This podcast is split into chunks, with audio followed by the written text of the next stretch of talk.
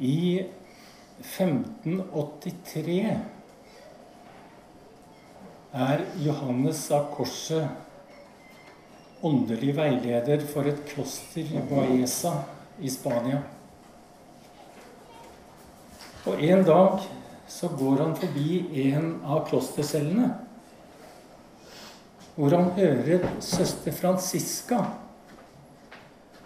be med en inderlighet som gjør et voldsomt inntrykk på ham. Og Johannes spør, 'Hva ber du om?' Og Franziska svarer, 'Min bønn består i å se på Guds skjønnhet'. Og Johannes blir så entusiastisk over dette svaret at det resulterer i fem nye vers, de siste fem faktisk, i hans berømte sang Cantico, åndelig sang, en av kirkehistoriens mest kjente dikteverk. Guds skjønnhet er kanskje det mest innholdsmetta ordet, eller ordene, i Bibelen. Har du tenkt på det? Guds skjønnhet. Det er noe, det. Forfatteren av Johannes evangeliet skriver om Jesus vi så hans herlighet. En herlighet eller skjønnhet som den enbårne sønn har fra sin far. Full av nåde og sannhet. Vi så hans skjønnhet. Og hans skjønnhet, det er hva denne gudstjenesten dreier seg om. Og hans skjønnhet er hva alle gudstjenester dreier seg om. Og det er hva evangeliet handler om. Hans skjønnhet det er det Kirka har i oppgave å fortelle om. Og hør Vi har dypest sett ingen annen målsetning enn å dele hans skjønnhet. Ingen annen målsetning enn å dele hans skjønnhet med alle som ennå har det til gode. Det er viktig å få sagt det. For det fins en skjønnhet som ikke blir sett. Og det fins en sang som ikke blir hørt. Og en hemmelighet om en skjønnhet som ligger i en blindsone.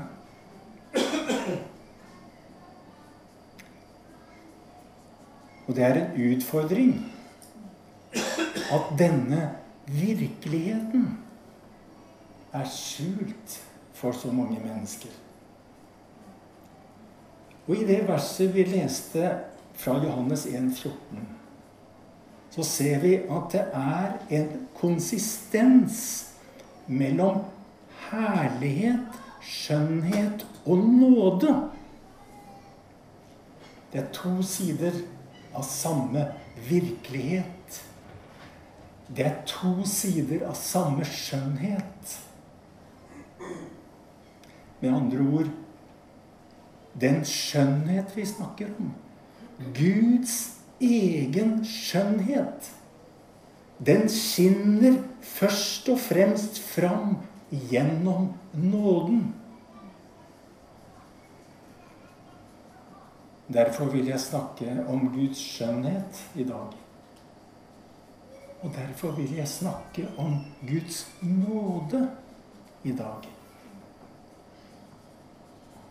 Ikke om den billige nåden. Ikke om den billige nåden som bare er en religiøs sminke som sletter overalt. Eller som bare er som en klapp på skulderen med forsikring om at alt er vel. Ikke om den lette nåden, som overfladisk siterer med brukelige bibelvers. Jeg vil snakke om den store og den tunge nåden. Den nåden som er tung og massiv nok til å synke ned til hele sannheten. For derfra å løfte det som er på bånn. Det som er nederst, og det som er helt innerst. Den nåden vil jeg snakke om. Og det var den nåden hun trengte, den kvinnen som vi leser om Johannes 8, som ble tatt på fersk gjerning i ekteskapsbrudd. Det var et dypt svik. Og derfor trengte hun en nåde som gikk dypt. Fariseerne førte henne frem for Jesus og ville steine henne i hjel etter loven. Men Jesus sa, 'Den av dere som er uten synd' kan kaste, kan kaste den første steinen. Og det står da gikk de bort, én etter én, de eldste først. Til slutt var Jesus aleine igjen, og kvinnen sto foran ham. Da rettet han seg opp og spurte, 'Kvinne, hvor er De? Har ingen fordømt deg? Hun svarte, Nei, Herre, ingen. Da sa Jesus, Heller ikke jeg fordømmer deg. Gå bort og synd ikke mer fra nå av. Denne kvinnen, hun var avhengig av nåde for sitt liv. Og hun var avhengig av den tunge og massive nåden. Den nåden som er tung nok til å synke helt ned til bunnen av hennes skyld. Og sette henne fri helt der nede på bånn. I den barske sannheten. Og der, der, på bunnen, kommer Guds skjønnhet til syne. Det er denne dype nåden jeg vil snakke om. Den som søker meg opp, helt ned på bunnen som søker meg opp helt nede på det laveste nivå. På det laveste i meg. Altså under alle svik. Forbi min dypeste angst og anger. Og dypere og under min egen og andres forkastelse eller sjølopptatthet. Det er den nåden jeg snakker om. Og det var den dyre nåden som Peter hadde behov for da han hadde fornekta Jesus. Den nåden Og den nåden var ikke billig, som Paulus trengte da han sto med blod på hendene etter å ha vært med på forfølgelsen av de kristne. Og det var den tunge nåden som den bortkomne sønnen i Jesu lignelse fikk erfare etter å ha forspilt sin arv. Sånn kunne vi fortsette. For det er denne nåden, denne nåden, vi alle behøver. Den nåden vi alle behøver, den har sin kilde i Guds eget forsoningsblod på korset. Den som Bibelen beskriver poetisk. Det er åpnet en kilde i Davids hus mot all synd og urenhet. Jeg har ikke bruk for nåden som en fin og from tanke. Jeg har ingen behov for den grunne og mekaniske nåden. Jeg trenger den sterke og dyrebare nåden jeg trenger den nåden som åpenbarer Guds skjønnhet. Full av nåde og sannhet. Jeg trenger den nåden som favner hele livet. Hele livet med sitt lys og mørke, med sin smerte og glede med sine seier og sine nederlag. Jeg trenger den nåden som favner alt. Og som blender meg med Guds skjønnhet. Jeg trenger den nåden som overvinner frykten med sin kraft og med sin autoritet. Det er den dyre nåden som jeg trenger for min eksistens. Jeg trenger den sterke nåden. Jeg Trenger den for å løfte hodet og rette ryggen. Jeg trenger den rene nåden. Den som kommer unnenifra. Unnenifra. Helt unnenifra. Fra den korsfestede Kristus.